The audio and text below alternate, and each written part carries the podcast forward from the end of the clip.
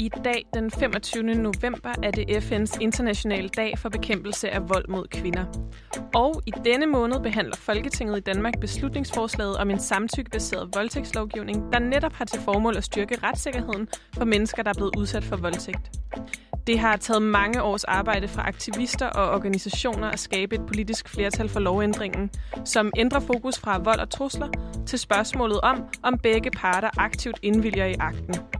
Men faktisk blev Danmark allerede i år 2014 del af en international konvention, der indeholder et punkt om samtykkebaseret voldtægtslovgivning. Men hvad vil det overhovedet sige, at Danmark tiltræder internationale konventioner? Overholder Danmark sine forpligtelser? Hvem tjekker op på det? Og hvorfor gik der seks år fra man tiltrådte konventionen, til vi fik en samtykkelov? Men det er også efter min opfattelse en sejr for, for hele retssikkerheden i Danmark, fordi at det havde været helt En kommission skal nu undersøge Inger Støjberg. Det, det hele kan ikke være sandt. Den kommer jo til at betyde fra nu af, at vi alle sammen er kriminelle. Men de når ikke at slå alarm, før gummigeden med et enormt brag smadrer et 13 gange 6 meter stort hul i fængselsmuren. Og vi ved så ikke, hvad der sker med den her domstol. Hvordan vil den tolke lovgivningen? Velkommen til Boblen. Mit navn er Veronika, og i denne her sæson, der undersøger jeg, hvilken rolle jura spiller for din og min dagligdag, og hvilke principper, men også udfordringer, der er på spil, når loven den skal udformes og opretholdes. Og til at hjælpe mig med det, der har jeg i dag besøg af de to jurister, Anne Mette Valentin, velkommen til dig. Tak, hej. Og øh, Christine Mose, velkommen til dig også. Tak, hej. Og øhm, i dag der skal vi dykke ned i det her med, øh, med Danmarks internationale forpligtelser og med denne her øh, samtykkebaserede øh, voldtægtslovgivning, som lige nu øh, bliver behandlet i, øh, i Folketinget. Fordi den 1. september i år, der skete der noget meget historisk på det retspolitiske område. Der blev nemlig indgået en aftale om at indføre det her samtykkebaserede voldtægtslovgivning i Danmark.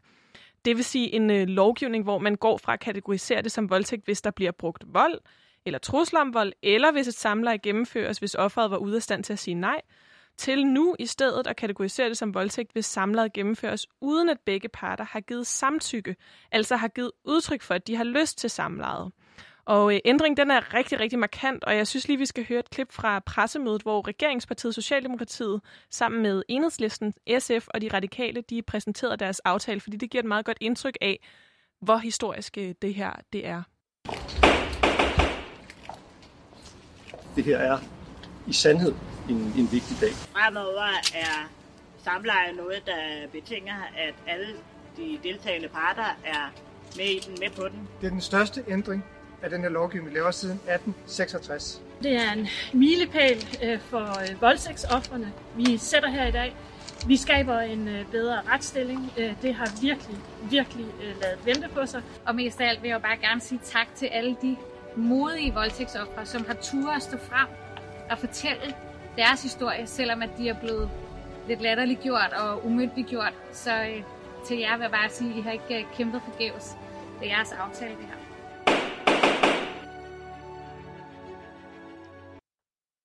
Ja, det her det var et klip fra øh, Amnesty i Danmark. Det er derfor, der lige ligger det her underlægningsmusik øh, under. Men jeg synes, at det er nogle rigtig gode citater til at illustrere, hvor, øh, hvor markant en ændring det her det er. Øh, den største øh, ændring af den her lovgivning siden 1866 lyder det fra, øh, fra retsordfører for Socialdemokratiet Jeppe Bros her i, i klippet. Og jeg synes også lige, vi skal bide mærke i, at øh, Rosa Lund, retsordfører for Enhedslisten, hun har en her udtalelse om, at den her aftale, den tilhører de modige voldtægtsoffre, der er stået frem og har kæmpet for den her ændring. Fordi der har faktisk været en markant bevægelse bag den her ændring. Den har været ført af ofre for voldtægt, som har demonstreret, skrevet læserbrev, udgivet rapporter med videre sammen med andre organisationer, blandt andet øh, Amnesty, som vi havde klippet med herfra. Øh, og det har de alle sammen gjort for at få skabt den her ændring, og det har taget mange år, og, øh, og har været sådan en, en ret lang kamp.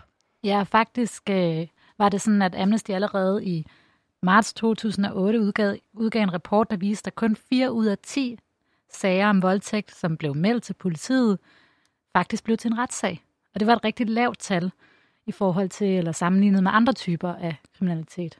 Så der har været det her, hvad kan man sige, efterslæb i forhold til retssikkerheden på det her område, som hvis man blev udsat for voldtægt sammenlignet med, hvis man blev udsat for andre former for kriminalitet, har der været en tendens til, at der var øh, lavere sandsynlighed for, at der rent mm. faktisk ville falde dom øh, i, i den sag, hvis man rejste den for, øh, for en dommer. Mm. Og øhm, ja, så der har, altså, der har været fokus på den her problematik i lang tid, faktisk i over 10 år. Men alligevel så er det først nu, her i november 2020, at lovforslaget om en samtykkebaseret voldtægtslovgivning, det bliver behandlet i øh, Folketinget.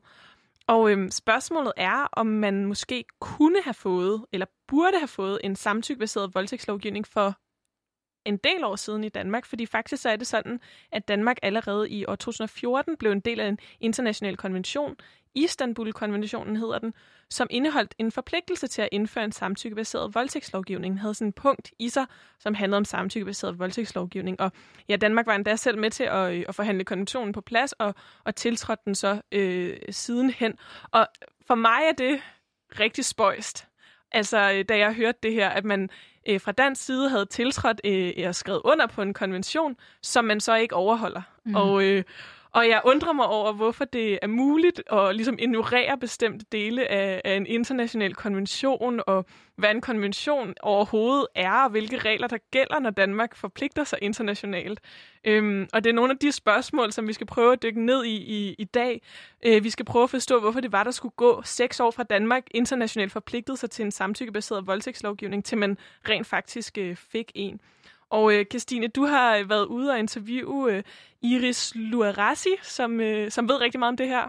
Ja, og det gør hun, fordi hun er vicepræsident i Grevio, som er det ekspertudvalg, der er ansvarlig for at overvåge implementeringen af Istanbul-konventionen. Altså prøve at se på, når Danmark og andre lande har ratificeret Istanbul-konventionen, er det så faktisk sådan, at den bliver implementeret og overholdt i praksis.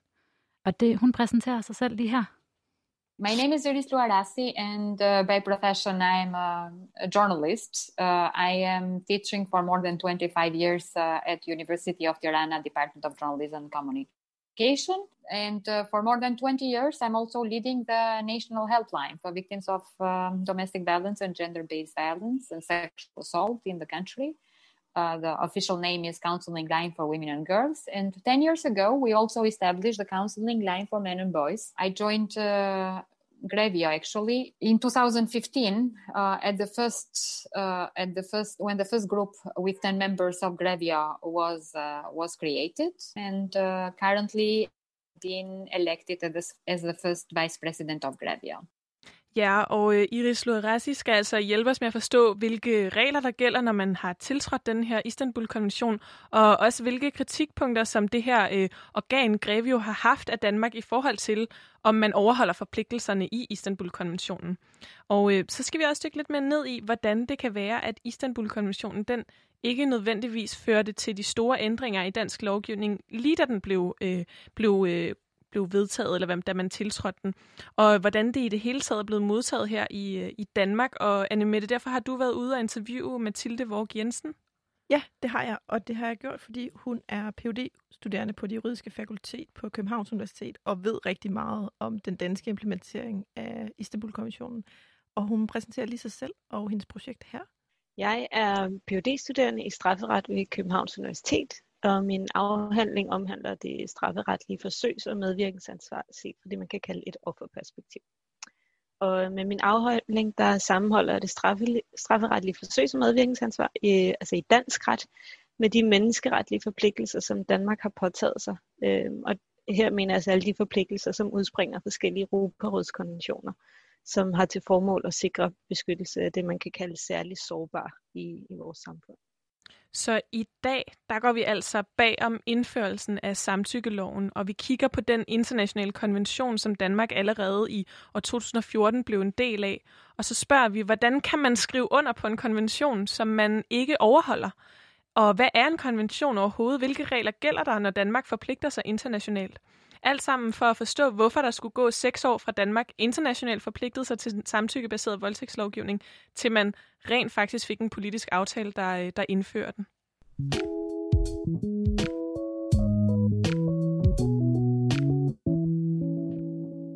Og for at forstå det her med Istanbul-konventionen, og hvorfor der gik en del år fra man ligesom tiltrådte den til, man nu står og endelig får den her øh, samtykkebaserede voldtægtslovgivning, som, har egentlig, som man egentlig har været forpligtet til øh, i flere år, og som er blevet kæmpet for af rigtig mange aktivister i en hel del år, Altså, jeg har brug for lige at få ridset op, hvad det overhovedet vil sige, altså, når Danmark forpligter sig internationalt og, og underskriver sådan en konvention.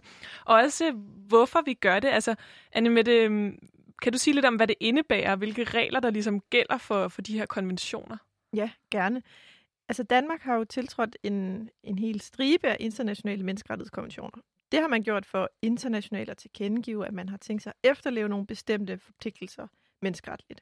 Og det skal ses i lyset af 2. verdenskrig og de menneskerettighedskrænkelser, der skete i den forbindelse. Så efter det, så begyndte man ligesom at arbejde på at, at forpligte hinanden internationalt på, på nogle, nogle minimumstandarder.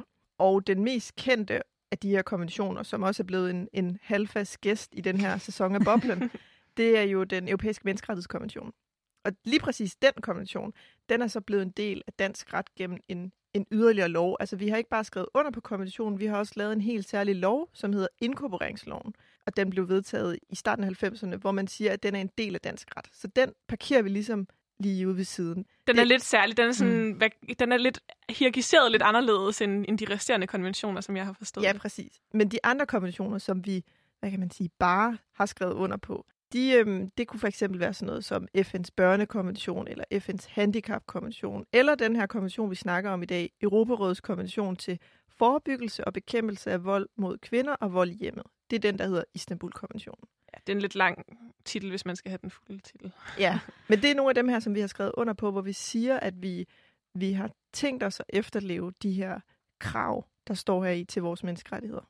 Og til de her hvad hedder det, konventioner hører også et såkaldt monitoreringsorgan, som løbende tilser og overvåger, om Danmark så overholder sine forpligtelser efter konventionerne. For eksempel ved FN's handicapkonvention, så er der handicapkomiteen.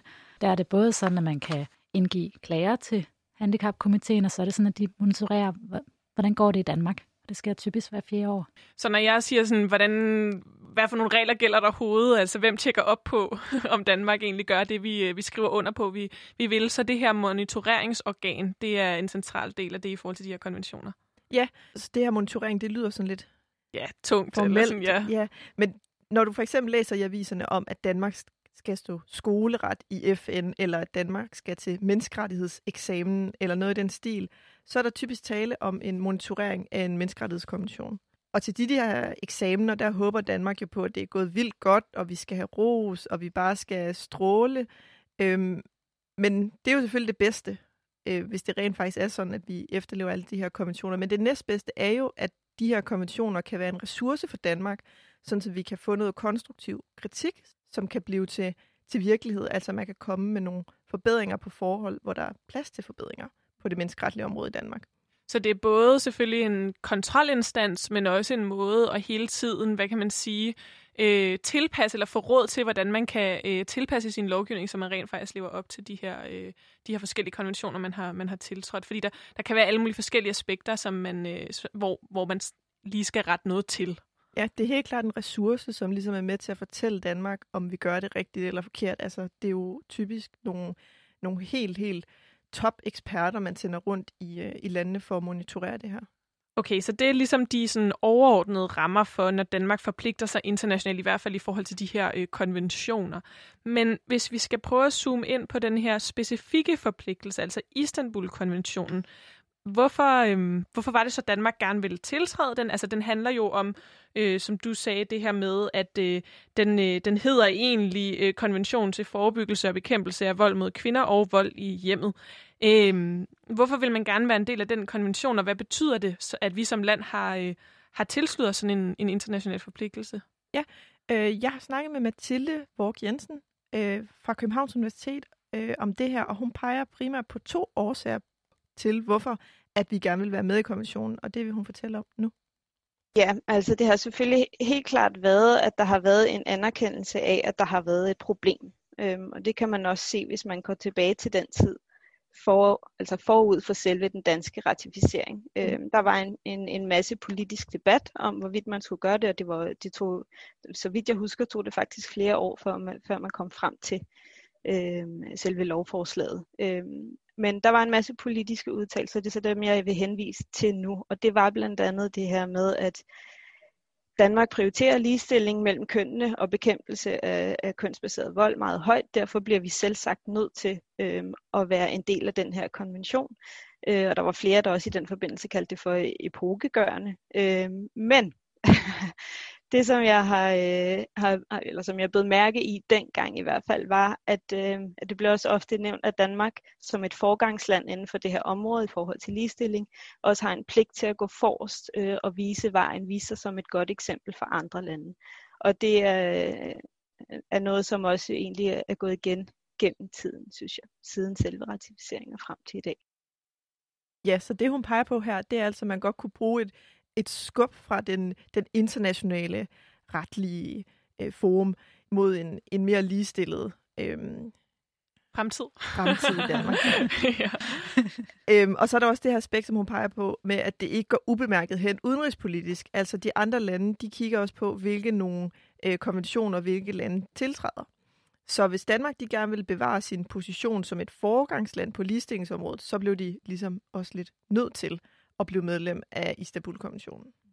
Så det var både sådan, hvad kan man sige, øh, strategisk i forhold til, hvordan andre lande ser på Danmark, og også i forhold til, at man, at man ønsker at arbejde for øh, ligestilling og, og øge ligestillingen på, øh, på det her område. Men de her konventioner er altså også en del af en måde at brande sig som, øh, som land på. Mm-hmm. Okay, så det er ligesom hvad kan man sige, rammerne for, hvorfor man tilslutter sig de her forpligtelser. Det handler måske både om konventionens indhold, og så handler det også om strategiske overvejelser i forhold til øh, den, den udenrigspolitiske spillebane.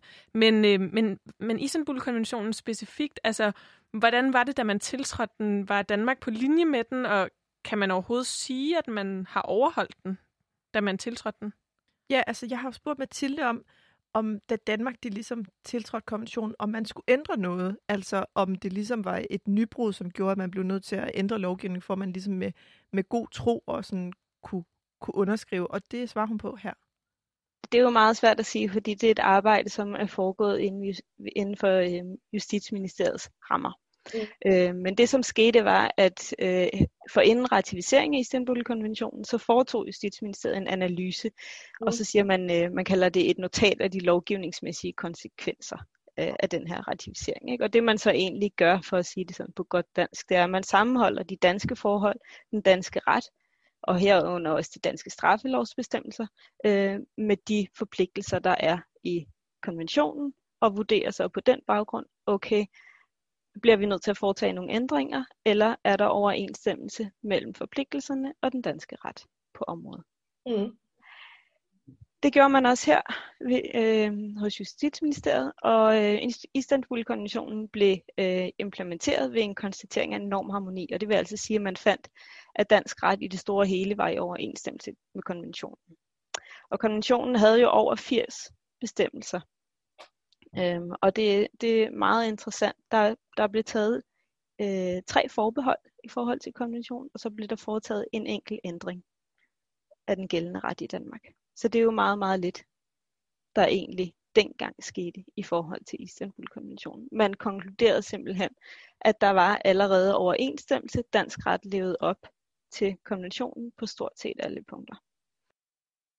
Ja, så konklusionen eller selvevalueringen var altså, at Danmark nærmest var i mål med konventionen, da vi blev medlem.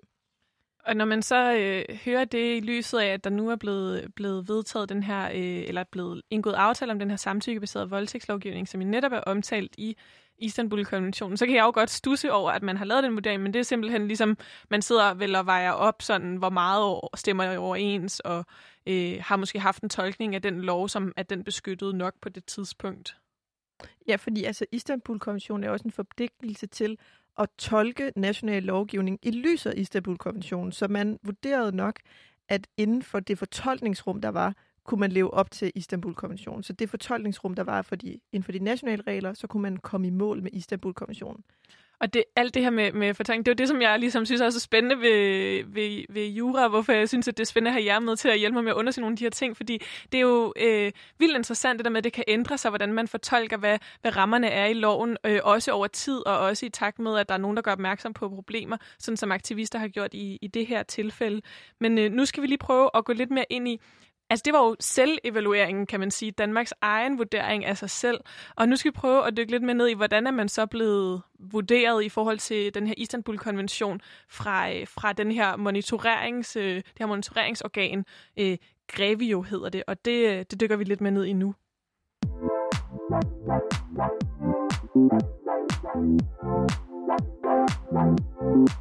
Du lytter til Boblen, hvor jeg, Veronika, sammen med de to jurister, Kirstine og Anne Mette, i dag undersøger, hvorfor der skulle gå seks år fra Danmark internationalt forpligtede sig til en samtykkebaseret voldtægtslovgivning, til man rent faktisk indførte den.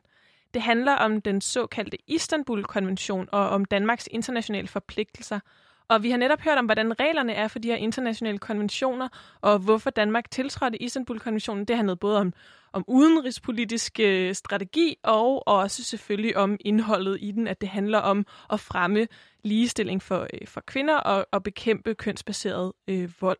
Og nu skal vi dykke mere ned i det her spørgsmål om Danmarks overholdelse af Istanbul-konventionen. Fordi vi hørte jo, at man dengang man tiltrådte konventionen, der konkluderede man i sin egen evaluering af sig selv, altså Danmarks evaluering af sig selv, at der var det, der hedder normharmoni, altså at dansk lov var i overensstemmelse med konventionen. Men samtidig, og det er det, der undrer mig, er det først i år, lige nu i november, at loven om samtykkebaseret voldtægtslovgivning den bliver behandlet i Folketinget. Så overholder Danmark Istanbul-konventionen eller ej? Det skal vi øh, prøve at høre, det, hvad det organ, der rejser rundt og tjekker op på landene i forhold til konventionen, de siger til. Og Christine, derfor har du snakket med en af dem, der sidder i, i det her organ. Ja, og jeg har talt med Iris Luarasi, der er vicepræsident for Grevio, som er det her ekspertudvalg.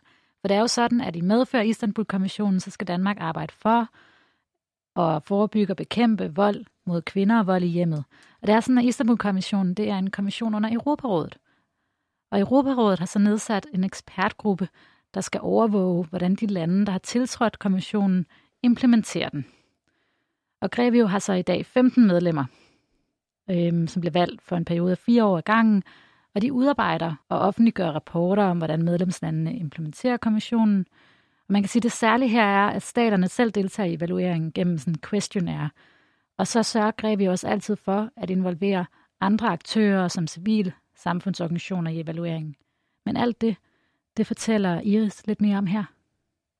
Okay, so um, Grevio is uh, the group of experts that has been established from the Council of uh, of Europe. Uh, it the the the group it is called the Group of Experts on Actions Against Violence Against Women and Domestic Violence. Uh, at the beginning, as I told you before, in 2015, uh, uh, we were 10 members that were elected. And now uh, the group is enlarged to 15 members uh, following the 25th ratification. And the task of Grevio is to monitor the implementation of the of the convention, uh, Istanbul Convention, by the by the state parties that ratify the convention. And then it is the committee of the parties that follow uh, follow us up on the on the reports and the conclusion, and they adopt uh, the recommendation uh, to the parties that are concerned. And then, uh, as uh, it is set out in the Article 68, paragraph 5 uh, of the Convention, uh, we have asked uh, uh, to receive information on the implementation of the Convention from non governmental organizations and civil society, as well as from National Institution for Protection of Human Rights. And then we encourage them to uh, to make any comment or uh, um, to give any data uh, after we got also the the state report from Denmark. Uh, so that's how it has been the whole procedure. Ja, og det Iris fortæller her, altså hvordan Grevio monitorerer, det vil sige overvåger, hvordan øhm, Istanbul-konventionen bliver implementeret. Og det gør de simpelthen ved både at involvere de medlemsstaterne og menneskeretsinstitutter i forskellige lande og civilsamfundsorganisationer. Øhm, og for Iris havde Danmark faktisk en helt særlig plads i hendes hjerte, fortalte hun, fordi det var det første land, hun var med til at evaluere. Og hun fortalte, at hun havde troet, det ville blive en rigtig let opgave, men det blev det ikke. Og det er jo lidt sjovt, fordi det er jo også, hvad kan man sige, den selvevaluering, der har været i Danmark, at det, det kører øh, glat nok øh, med at overholde konventionen. Og faktisk fik de rigtig travlt, da de så kom til Danmark. Jeg tror i det hele taget, de har, når de er rundt og evaluerer. Men de havde en uge med et helt fuldt spækket program, hvor de skulle tale med en lang række ministerier, offentlige myndigheder, NGO'er, øh, civilsamfundsorganisationer, uafhængige forskere, som alle sammen arbejder inden for det her område. Og det blev altså til mere end 40 forskellige instanser og aktører, hvis man kan sige det. Som de skulle snakke med på, ja. øh, på en uge. Ja. Ja, det er et rimelig travlt program.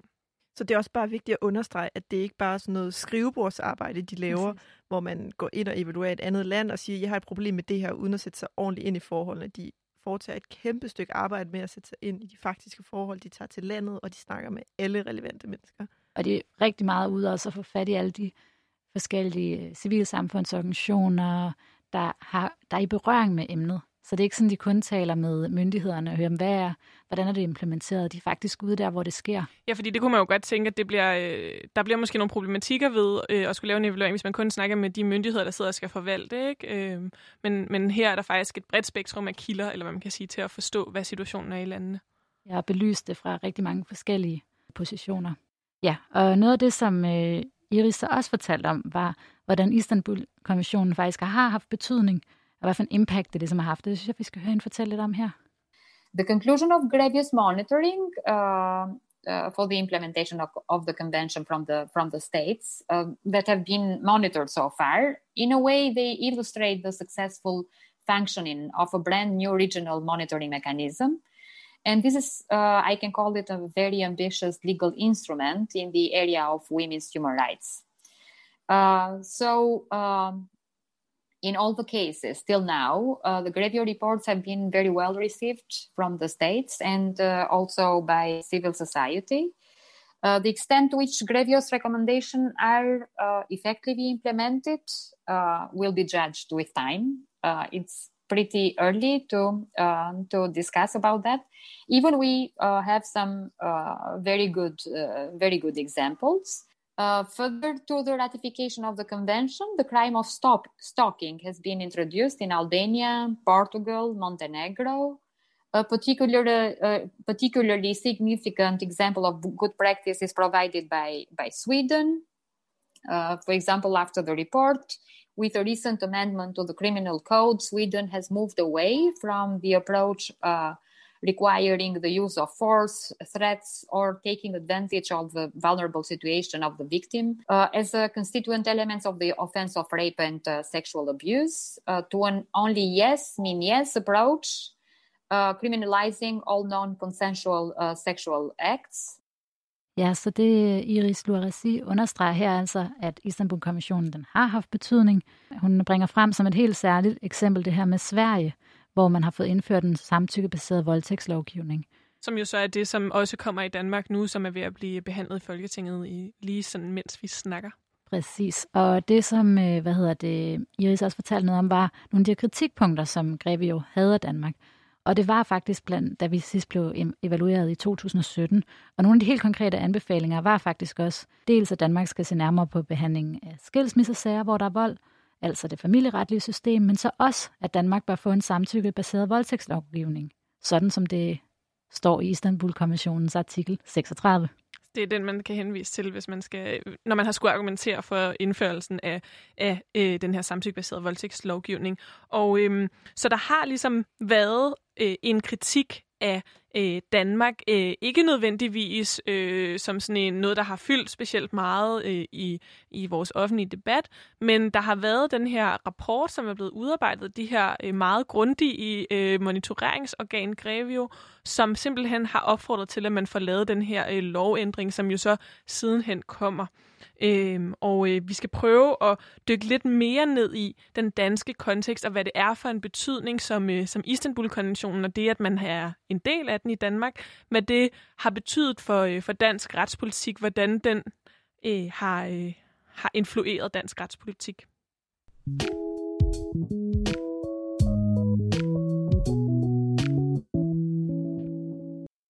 Ja, fordi nu har vi altså hørt om det her organ, der tjekker op på, om landene overholder Istanbul-konventionen, og hvordan de faktisk har rettet nogle kritikpunkter af, af Danmark, på trods af, at Danmark selv, dengang man tiltrådte, øh, konventionen vurderede, at, øh, at der var den her overensstemmelse øh, i forvejen. Men nu kan jeg godt tænke mig at dykke lidt mere ned i spørgsmålet om, hvilken betydning Danmarks tiltrædelse af Istanbul-konventionen den rent faktisk har haft herhjemme altså i, i retspolitikken, kan man sige, eller i vores lovgivning. Og øh, jeg vil jo selvfølgelig også gerne altså, forstå, hvorfor det, det tog så lang tid, før man tilslutter sig den del af konventionen, som handler om samtykkebaseret voldtægtslovgivning. Og Anne Mette, det har du også snakket med, øh, med Mathilde Vorg øh, Jensen, Ph.D. Fra, øh, fra Københavns Universitet om. Ja, det har jeg. Altså man kan sige, at det første, der ligesom øh, sker, det er jo, at man bliver medlem, og så går der nogle år, før man ligesom får at vide, at der er noget galt. Altså vi, vi er henne i 2017, før vi får den her rapport. Øhm, og jeg har snakket lidt med Mathilde om, hvordan de danske myndigheder, de ligesom tog imod de her råd og anbefalinger, som, øh, som Grevio de gav til Danmark dengang. Og det fortæller hun om her. Hvis jeg skal, skal sige noget overordnet om øh, Danmarks udfordringer i forhold til implementering, så vil jeg sige, øh, at det er den her forfejlede forforståelse øh, af, at Danmark er et ligestillet land, øh, og at vi egentlig er øh, i mål med mange af de her ligestillingsproblematikker. Øh, og at hvis der foregår vold mod kvinder og vold i hjemmet, så har vi et system, som øh, er godt gearet til at løfte den opgave, altså at, at forebygge øh, og bekæmpe retsforfølge. Øh, og så synes jeg også, at det er en stor udfordring, når vi så faktisk helt gratis nærmest får præsenteret øh, nogle kritikpunkter, noget vi kunne gøre bedre af, af et organ som Grevio, som jo er en monitoreringsgruppe, som er udgjort af et panel af uafhængige og nogle af de ypperste eksperter inden for det her voldsområde. Øhm, og de besøger myndigheder og organisationer, øh, forestår interviews, øhm, og simpelthen gennemtrawler den danske tilstand her også, øh, altså sådan retligt. Og så tillader vi os øh, at møde dem simpelthen enten med et træk på skuldrene, eller med, med direkte arrogance, når vi modtager deres anbefalinger. Øhm, og og det husker jeg særligt i forhold til den kritik, som Grevio havde af statsforvaltningen, det som vi kalder børneretshusene i dag. For der kritiserede Grevio nemlig øhm, systemet for, eller statsforvaltningens praksis i sager om forældremyndighed og samvær, for at man ikke tog godt nok hånd øhm, om de sager, hvor der også var vold involveret. Man tog simpelthen ikke godt nok hånd om den voldsudsatte mor og de voldsudsatte børn. Og det, de pegede både på lange sagsbehandlingstider, at der blev tildelt samvær med en, en voldelig far, øh, og derfor også risiko øh, for mere vold mod børnene, øh, chikane mod moren osv. Og det var faktisk kritikpunkter, som blev bakket op om, om Red Barnet og Børns Vilkår. De genkendte dem. Men alligevel så gik vores øh, daværende børne- og socialminister, Maja Mercado, ud øh, og svarede på kritikken ved at sige, at Danmark er langt fremme, når det kommer til forebyggelse og bekæmpelse af vold mod kvinder. Det er et, om, et område, vi tager, tager øh, at prioritere højt, og vi bliver hele tiden bedre, tager nye initiativer, og alt det er også rigtigt. Men det hun så endte med at sige, det var, at det var øh, med forundring øh, og beklagelse, at hun modtog den her kritik, og så tillod hun sig faktisk at sige, at kritikken var helt forfejlet. Og, og det, øh, det viser meget godt, desværre, øh, den her tilgang til øh, både konventionen, men også til Grevio, at den øh, måske ikke bliver taget så alvorligt, som den skal. Ja, så hun peger altså på noget overordnet her, og så peger hun specifikt på det her område med børneretshusene som problematisk, og vores attitude over for Grevio som problematisk. Men vi har også spurgt hende lidt mere specifikt om, hvilken betydning Istanbul-konventionen og Grevios monitorering af den her kønsbaserede vold har haft for den retspolitiske diskussion om det her samtykkebaserede voldtægtslovgivning? Hvad angår samtykkedebatten, så er konventionen også blevet fremhævet øh, og benyttet som argument, også af civile organisationer øh, og også flere juridiske eksperter, fordi der er jo en, øh, en samtykkebaseret voldtægtsbestemmelse i Istanbul-konventionen, som også definerer, hvad samtykke er. Øhm, og man skal også huske på, at i forhold til Istanbul-konventionen findes der det, der hedder en forklarende rapport, en, en art bemærkninger, som beskriver, hvordan det hele, øh, hvor, hvordan hver enkelt artikel faktisk skal forstås, og hvordan den bedst bliver implementeret. Men i forhold til samtykkedebatten og, øh, og hele ja, øh, vurderingen af, om vi skulle have en øh, samtykkebaseret voldtægtsbestemmelse eller ej, som vi jo så får, det er jo en, en, en helt øh, sprit ny nyhed faktisk, Øhm, så er det særligt øh, interessant, øh, synes jeg, at kigge ud over det juridiske landskab, fordi nogen øh, har taget konventionsforpligtelsen alvorligt og bogstaveligt og brugt den som argument for en samtykkebaseret voldtægtsbestemmelse, øh, mens andre egentlig, øh, hvad skal man sige, ja, Justitsministeriet påstod jo øh, både i sin tid ved forud for ratificeringen og også efterfølgende, at dansk ret hele tiden har, har, øhm, har været i overensstemmelse også på det her område, og at en lovændring altså ikke var nødvendigt. Øhm, og der er også andre, som har talt imod en samtykkebaseret øh, bestemmelse, også juridiske folk, men dem har jeg sjældent hørt omtale konventionen. Øhm, og i mit stille sind, så forestiller jeg mig, at det er måske er, er folk af den skole, der i almindelighed ikke øh, arbejder så meget med menneskerettighederne, eller faktisk ser på menneskerettighederne som et ultimativt gode, altså har et andet normativt standpunkt måske. Øh, øh, eller måske endda ser Istanbul-konventionen som noget partisk. Altså, og så kommer vi tilbage igen til, at der er det her kønsspecifikke i selve ordlyden. Okay, så som vi hører her, så har Istanbul-konventionen altså været nævnt som argument i forhold til indførelsen af den her øh, samtykkelov. Øhm, fra forskellige sider, ikke nødvendigvis som det hovedargumentet eller som det eneste argument, men det har fyldt. Og øh, vi skal lige prøve at dykke lidt mere ned i, hvordan forløbet har været frem til, at man her i 2020 så landede den her politiske aftale om en samtykkebaseret voldtægtslovgivning. Og øh, I, Christina med det har simpelthen udarbejdet en, øh, en tidslinje over det her, og øh, I får lige sådan lidt, øh, lidt underlag til at, øh, at gennemgå det her, øh, hvad, hvad der skete i, i årene op til, øh, hvad der har ført frem til, at vi i, her i 2020 får en, øh, en samtykkebaseret øh, voldtægtslovgivning.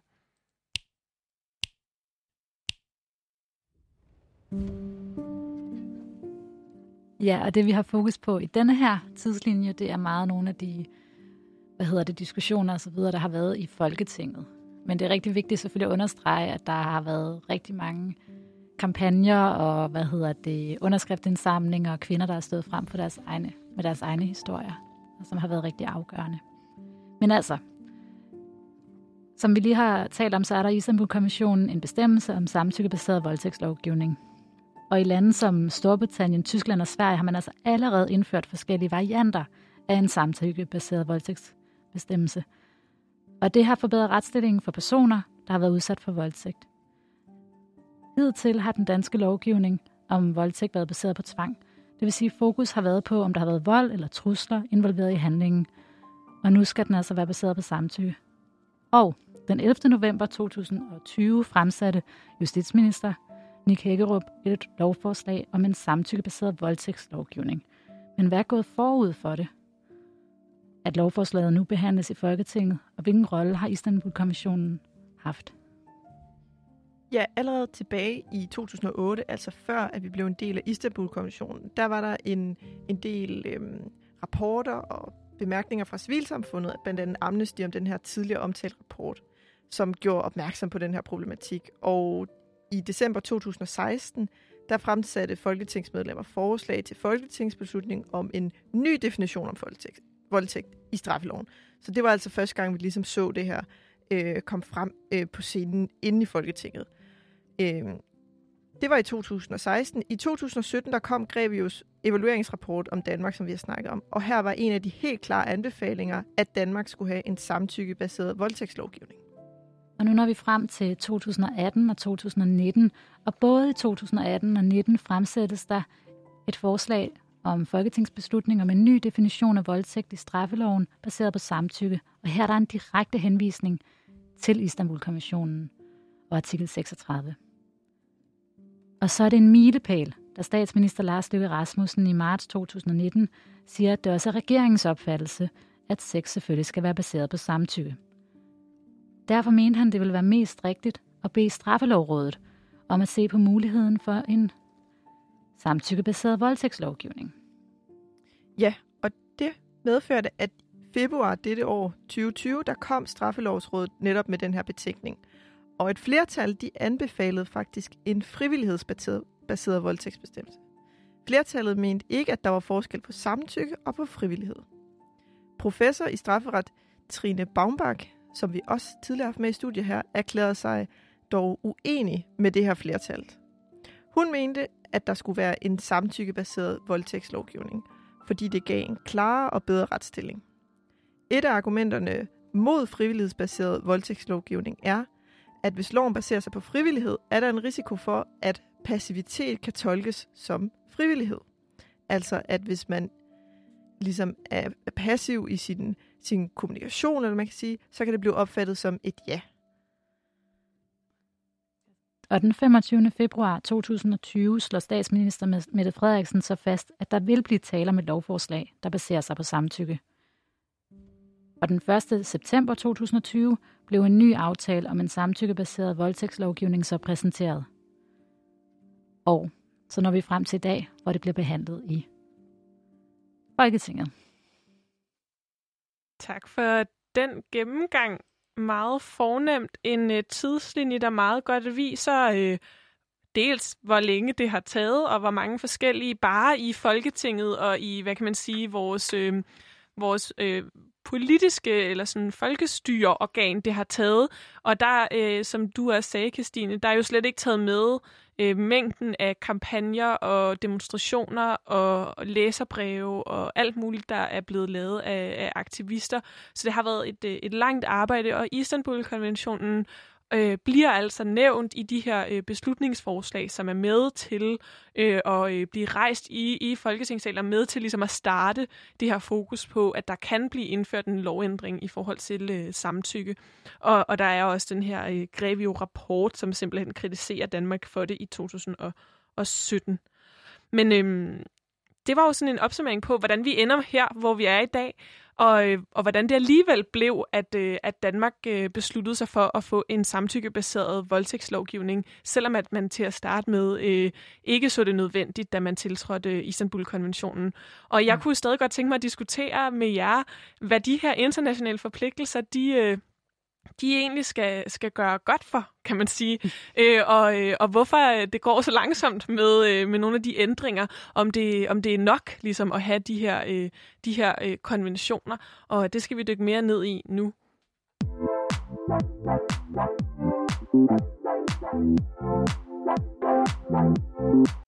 Du lytter til Boblen, hvor jeg, Veronika, sammen med de to jurister, Christine og Anne Mette, i dag undersøger, hvorfor der skulle gå seks år fra Danmark internationalt forpligtede sig til en samtykkebaseret voldtægtslovgivning, til man rent faktisk fik en politisk aftale om det. Det handler om den såkaldte Istanbul-konvention og om Danmarks internationale forpligtelser. Og vi har netop hørt om, hvordan den her konvention den ikke nødvendigvis har haft så stor indflydelse i Danmark, som man kunne have forventet, og hvordan det også hænger sammen med, hvilken selvforståelse der var i Danmark, da man tiltrådte konventionen, fordi man så sig selv som et foregangsland. Men samtidig så har vi også hørt, hvordan Istanbul-konventionen den faktisk er blevet brugt som et argument, både i debatten om og i forslagene til en samtykkebaseret voldtægtslovgivning. Og jeg kunne godt tænke mig, at vi samlede lidt op på de her forskellige tråde, og, og måske fik vendt det i et lidt mere overordnet øh, perspektiv. Fordi det helt store spørgsmål for mig som ikke jurist, øh, og som jeg ikke kan lade være med sådan at, at stusse over hele vejen igennem det her, det er, altså, hvad er det for noget, at man kan gå med på en konvention, tiltræde den, skrive den under, selvom at man ikke nødvendigvis overholder de punkter, der er i den. Altså, hvad skal det så ligesom gøre godt for med de her juridiske konstruktioner? altså, det, nu sætter jeg det lidt hårdt op, ikke? Men, men jeg kan ikke lade være med alligevel at sidde sådan lidt og tænke sådan, vi kunne også have fået en øh, samtykkebaseret øh, voldtægtslovgivning i 2013-2014, hvor man dels tiltrådte den og så ratificerede den, Istanbul-konventionen. Hvad, hvad tænker I, Christina Anne, med det? Er jeg lidt hård nu? Nej, det synes jeg egentlig ikke, fordi hvis vi ligesom lytter lidt tilbage til den her tidslinje, vi har haft, så er det også tydeligt, at Istanbul-konventionen ikke alene har været det bærende argument for det. Det har suppleret argumenter, som folk har fremført for, at vi skulle have den her samtykkebaserede voldtægtslovgivning, men det har absolut ikke været det, der har båret den direkte igennem Folketingssalen. Og det siger jo noget om, jamen, hvorfor har vi så overhovedet skrevet under? Og der bliver man nødt til at reflektere over, at nogle af de her konventioner, de har forskellige gennemslag. For eksempel så tager vi børnekonventionen rigtig, rigtig alvorligt, og børnekonventionen bliver brugt i den offentlige debat rigtig aktivt, fordi vi kender til den. Ja, det er jo sådan noget, man har haft om i skolen. Altså. Jeg, har, jeg kan ja. i hvert fald huske, at jeg har haft skoleforløb om børnekonventionen. Så det her med Istanbul-konventionen og andre ukendte konventioner, som ikke får den gennemslag, de skal have, det er jo noget, som jeg mener, man bør se lidt alvorligt til fra, fra dansk side, altså både i den offentlige debat og begynde måske at inddrage noget mere, men især lovgiver og folketingsmedlemmerne det, det ville være rigtig fedt, hvis der var flere folketingsmedlemmer, der var klædt på til at bruge de her konventioner. Mm. Så altså, udfordringen er måske dels, at der ikke er nok øh, kendskab til den, men også, at der ikke bliver, øh, hvad kan man sige, øh, taget nok, øh, eller lagt nok vægt på, på, den her, øh, på de her konventioner i, i dansk ret. Ja, også at der ikke er en den respekt, der skal være omkring de her råd og anbefalinger, der kommer. Altså, at man har de her eksperter, men at man ligesom ikke ser sig forpligtet til at, at, at efterfølge de her anbefalinger. Ja, at man i stedet for siger, jamen, der er ikke noget problem, og har lidt den her arrogante tilgang, som øh, Mathilde også nævner. Så på en eller anden måde, så er det jo også, og det er jo også noget, der faktisk står i Istanbul-kommissionen, er også, og noget af det greb jo anbefalet tilbage i 2017, var også at have flere kampagner omkring, hvad hedder det, bekæmpelse af vold mod kvinder. Og det er jo lige, lige præcis sådan noget, der også kan gøre, at man faktisk bliver opmærksom på kommissionen og hvad for nogle rettigheder der er. Men øh, vi har også talt lidt mere med Mathilde om nogle af de her ting. Ja, jeg, øh, jeg spurgte hende, om der blev lagt tilstrækkeligt vægt på Istanbul-konventionen øh, i dansk ret, og hun svarede sådan her. Kort sagt, nej. Øhm, og, og det gælder ikke kun Istanbul-konventionen, det gælder faktisk også andre Europarådskonventioner. Øh, så alle dem, der er udarbejdet til at beskytte de allersvageste. Og her tænker jeg for eksempel på den konvention, som man kalder Lanzarote-konventionen, og som de færreste sikkert har hørt om, men som handler om beskyttelse af børn mod seksuel udnyttelse og seksuel misbrug af titlen. Og der er også en konvention mod menneskehandel for eksempel. Men hvis vi holder, øh, forholder os til Istanbul-konventionen, så er mit indtryk, at det stadigvæk er en konvention, der er mest for de indforståede. Altså dem, som arbejder med retsbeskyttelse for ofre for kønsbaseret vold eller vold i hjemmet, øh, vold i nære relationer. Øh, vold i nære relationer. Øhm, og den udgør ikke det fortolkningsbidrag, som jo egentlig er det, den vil gøre, øhm, som man egentlig kunne ønske sig. Øhm, og, og for at vi rigtig skal nå dertil, så tror jeg simpelthen, at det handler om en, en holdningsændring. Og så handler det også om, at, at der er flere, der faktisk øh, for arbejdet med den her konvention. Et er jo kendskab til den, øh, og øh, noget andet er øh, forståelse af, hvad den egentlig indeholder, og hvordan den kan bruges. Så hun peger altså på det samme, som, som jeg også selv fremhævede, det her med, at der er flere, der bør kende til de her konventioner. Jeg pegede på øh, folketingspolitikere. Det ville være fedt, hvis de kunne bruge den, fordi det er ligesom der, loven det bliver til. Men, øh, men hun peger ligesom også på, at, at i, ude i systemet, ude i forvaltningen, at hvis der var flere, der kendte til det, så ville det være rigtig godt for at få de her konventioners gennemslag til at blive bedre. Altså fordi så kan man fortolke den danske lovgivning i lyset af konventionerne, og faktisk få det ind over, når man sidder og vurderer noget. Så der er altså både et behov måske for lovgivere kender til, øh, til de konventioner, man har tiltrådt, de internationale forpligtelser, Danmark øh, egentlig har, har skrevet under på. Men der er også et behov for et eller andet form for civilt engagement, altså at, at aktivister og organisationer, de trækker den her øh, konvention øh, frem. Og, øh, og det, har, det er jo sket i, i en dansk kontekst. Der, øh, der har man jo hævet den frem i forbindelse med øh, den her øh, kamp for samtykkebaseret voldtægtslovgivning. Men det er jo en ting, eller hvad man kan sige, lige nu kører vi i Danmark, så sker der rigtig meget i forhold til øh, sexisme og, øh, og køn og vold mod kvinder. Der kører ligesom de her debatter lige nu, der har kørt den her med samtykkebaseret voldtægtslovgivning, der har kørt den her nye bølge af, af MeToo. Men samtidig så ser vi jo, hvis vi kigger ud over øh, Europa øh, og de øh, lande, som, øh, som egentlig er en del af, af den her Istanbul-konvention, så sker der jo også det, at der lige nu er en tendens til, at man bevæger sig væk fra at synes, at det er, øh, er vigtigt eller relevant at arbejde for kvinders rettigheder på denne her måde. Mm. Altså jeg tænker på for eksempel i Polen, hvor at der jo har været de her kæmpe protester mod øh, regeringens ulovliggørelse af abortrettighederne. Øhm, noget, som jo øh, som jo har, altså, har ført til sådan nogle fuldstændig massive protester, som af flere kommentatorer er blevet øh, fremhævet som noget, der faktisk tror, øh, tror den polske regering. Og faktisk så har netop Polen også lagt op til, at de vil trække sig fra selve Istanbul-konventionen. Og øh, det har jeg lige fundet et, øh, et klip om, og det kommer lige her. Poland is starting to withdraw from the Istanbul Convention. It's a European treaty which prevents violence against women. Warsaw says it imposes controversial ideologies about gender and doesn't respect religion. Human rights groups say, though, this is a major step backwards. Our correspondent Shona Murray has been following the story for us, and we can find out more if we go to Brussels now. Morning to you, Shona. What has been the reaction from European lawmakers to Poland's decision? Well, Rosie, over the weekend we did see quite high levels of condemnation from many MEPs from across the bloc. And so this is a big issue for Brussels because the Commission had hoped to prioritise the issue of violence against women for some time. But let's talk to an expert here. I'm joined now by Averna McGowan, expert in human rights. Averna, first of all, what does this mean for women in Poland? So the developments are very concerning for the women in Poland. The Convention on Violence Against Women is one of the most comprehensive laws to combat violence against women in the world. So this is really a very worrying signal that the government is sending that it does not wish to provide this protection for women's rights in Poland.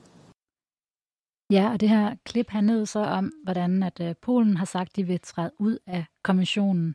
Øhm, og det var også noget, det jeg talte med Iris Luarasi, som jo er vicepræsident for Grevio, om, hvordan der sådan er en forfølgelse af Istanbul-konventionen for tiden, og hvordan blandt andet, eller hvordan Polen og Tyrkiet har sagt, at de vil udtræde af konventionen. Så der har altså været sådan en udvikling imod Istanbul-konventionen, hvor nogle lande lige frem bebuder, at nu, nu er det nok, nu vil man træde ud. Og øh, det så hun også som en mere sådan generel forfølgelse af kvinders rettigheder. Og det giver jo grund til bekymring. Ja, det giver virkelig grund til bekymring, at vi ser, at, at kvinders rettigheder går sådan tilbage rundt omkring i Europa. Øhm, og det skyldes jo også, at der har været en del misforståelser om, hvad Istanbul-konventionen er og hvad den indeholder. Den er blandt andet blevet beskyldt for at være et angreb på traditionelle familiemønstre, men konventionen siger ikke noget om familiemønstre. Så der er ligesom en, der savner man ligesom også en, en uddannelse i, hvad konventionen indeholder, fordi at nogle steder så har den kritik, som der har været af konventionen, simpelthen været forkert. Så der er altså øh, et efterslæb på flere punkter i forhold til den her konvention, i forhold til viden om, hvad den rent faktisk indeholder, og hvordan den kan bruges også i en dansk kontekst, hvordan man kan læse dansk mm. lov i lyset af den her konvention, at man faktisk har tiltrådt den, og der er nogle forpligtelser den, øh, der. Og at den faktisk findes. Ja, og øh, ja, altså det er jo ikke en konvention, man sådan nødvendigvis hører så meget, hvis ikke man arbejder med det her øh, område mere specifikt. Vi er ved at være nået til, øh, til vejs ende i det her øh, program. Jeg synes, det har været rigtig spændende at prøve at dykke lidt ned i det her, øh, og jeg synes, jeg har fået øh, lidt flere svar på min undren over, øh, hvorfor, øh, hvorfor der var det her skæld mellem den her konvention, og så at vi, øh, vi nu får den her samtykkebaserede voldtægtslovgivning. Men øh, Anne Mette, hvad synes du er vigtigt at tage med sig fra det her program? Jamen det er jo selvfølgelig, at jeg håber på, at nogle af lytterne netop vil tage den her konvention lidt til sig, og øh, søge på Istanbul-konventionen på øh, Google, fordi den findes jo på dansk, og den er ikke hemmelig, så man kan selv gå ind og læse i den, og øh, det, det vil jeg selvfølgelig opfordre til, at, øh, at vi har nogle lytter derude, som vil forsøge at blive dus med konventionen. Og hvad med dig, Christine? Hvad synes du, man skal tage med? Jamen, jeg håber også, at nogen vil gå lidt mere dybt med Istanbul-konventionen, og måske i det hele taget huske på, at vi har nogle internationale forpligtelser, men forpligtelser med en lang række rettigheder, herunder Istanbul-konventionen, men også for eksempel FN's børnekonvention og FN's konvention om begrænsning af statsløshed, som vi jo talte om for et par uger siden. Så der er altså øh, meget at, at dykke ned i i forhold til de her internationale forpligtelser, som, som har sådan en lidt sjov størrelse, fordi de ikke nødvendigvis øh, med det samme går ind og ændrer dansk øh, lov, men, men er noget, som man kan læse dansk lov i lyset af, og som man hele tiden kan hive frem og ligesom sammenholde, hvad sker der i, i Danmark, sammenholdt med, hvad er, hvad kan man sige, visionerne eller grundprincipperne øh, på specifikke øh, områder. Og, øh, og der endte altså med at, øh, at gå en del år fra man tiltrådte øh, Øh, tiltrådte konventionen, til man fik den her øh, samtykkebaserede voldtægtslovgivning, som, øh, som nu bliver, øh, bliver behandlet i Folketinget. Men øh, det handler jo også om, at der, der, det er en lang øh, proces, det her med de her monitoreringer og rapporter, øh, der kommer. Men det er interessant at se, at det i hvert fald har krævet væsentligt mere arbejde end blot tiltrædelsen af en bestemt international konvention at få lavet den her ændring. Og det er måske, som vi hørte i et klip, i højere grad... Øh, de aktivister og voldtægtsoffre, der har stillet sig frem, som har, øh, har fået øh, det her gennemført, end det nødvendigvis bare i sig selv er Istanbul-konventionen og Danmarks tiltrædelse øh, til den. Jeg vil i hvert fald øh, gå hjem og, øh, og dykke lidt mere ned i de her øh, konventioner. Jeg håber, at, øh, at I har øh, fået noget ud af at lytte med. Tusind tak, Christine Anne Mette, fordi I vil være med i dag. Selvfølgelig. Selvfølgelig. Og tak til jer, der lyttede med.